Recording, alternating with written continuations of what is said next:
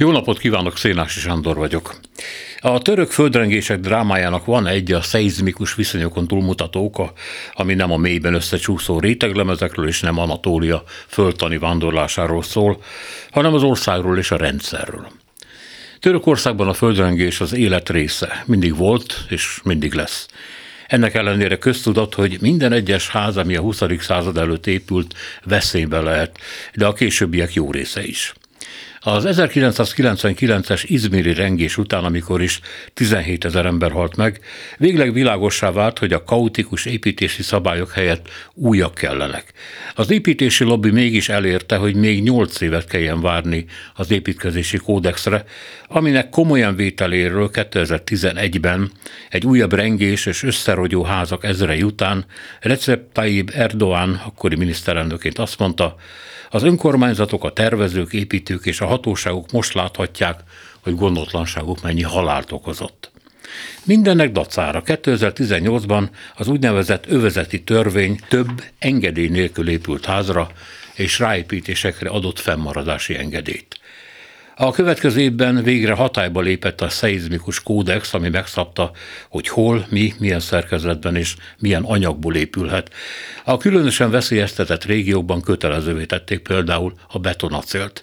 Hogy aztán a törvényt mennyire tartották be a hivatalok, más kérdés. Azt azért nem mondhatjuk, hogy semennyire. Az egyik baj természetesen az volt, hogy az új rendelkezések rettenetesen megdrágították az építkezést. Ez rossz volt az iparnak is, mert a felárat a vevők jó része nem tudta megfizetni. Az embereknek tulajdonképpen a között kellett választaniuk, hogy lakjanak, amíg lehet, amíg a földrengés törvényszerűen el nem jön, vagy több generációra adósítsák el magukat, már ha a bank ad nekik hitelt, vagy ne lakjanak egyáltalán.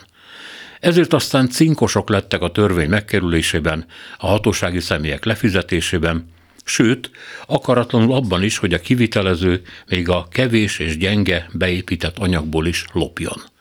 Ezután valóban csak alhakban lehetett bízni, hogy legalább tíz év laufot ad a beköltözőknek, aztán lesz, ahogy lesz.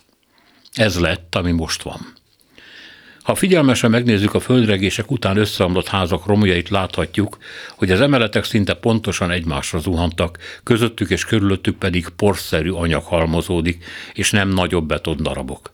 Ezt az omlástípust szakértők angolul pancake collapse-nek, magyarul kártyavárszerű vagy lapított omlásnak hívják, ami akkor következik be, ha a földrengéses területen nem tartják be az építési szabályokat. Japánban legalább annyi rengés van, mint Törökországban, az anyagi kározomban mindig kisebb, de az emberi veszteség is. Az ilyen összeomlásnál ugyanis nem marad levegő a rétegek között, a beszorult emberek egy része megfullad, ha nem találják meg őket, ha lehetőleg korábban. Ilyen viszonyok vannak Törökországban. Na és nálunk milyen viszonyok vannak csillagaim? Biztos, hogy amikor ennyit lovagolunk a török korrupción, hanyagságon, az állami mulasztásokon és cinkosságon a befektetőkkel, a törvények halogatásán, a lakosság kifosztásán és veszélyeztetésén, akkor csak a türk tanács egyik tagjáról beszélünk? Hát biztos, hát mert nálunk nincsenek értékelhető földrengések, hála Istennek de mégse biztos, mert ezentúl minden, de minden olyan rohat, de rohat ismerős. Az akugyárak elleni gödi debreceni tiltakozások és tüntetések során felhozott érvek, a kiszivárgott szakértői jelentések, a külföldi tapasztalatok azt mutatják, hogy ezekhez a tünetekhez nem kell földrengés. A török lakhatási válságban a kényszerű, önsors rontó szegénység mellett ott van a velejéig romlott, az alatvalónak tekintett állampolgárok érdekeire bármikor rátaposó államdiktatúra is, amit nekünk is szerencsénk van ismerhetni. Tegyük hozzá az agybénító hazugságaival együtt.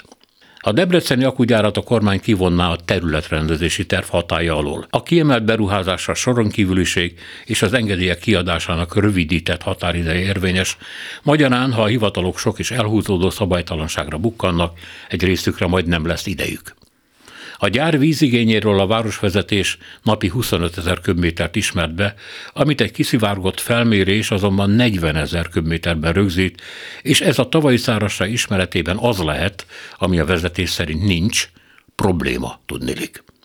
A környezetszennyezésről sem léteznek a nyilvánossággal megosztott adatok, stb. És minden számítsuk hozzá, hogy rengeteg mindent nem is tudunk arról, hogy miben és hogyan árulta és árulja még el lakosságát az állam. Ez a helyzet, ebben élünk. Ebben a szétlopott és életveszélyes házban, amit a saját lelkes cinkosságunk nélkül nem lehetett volna felhúzni.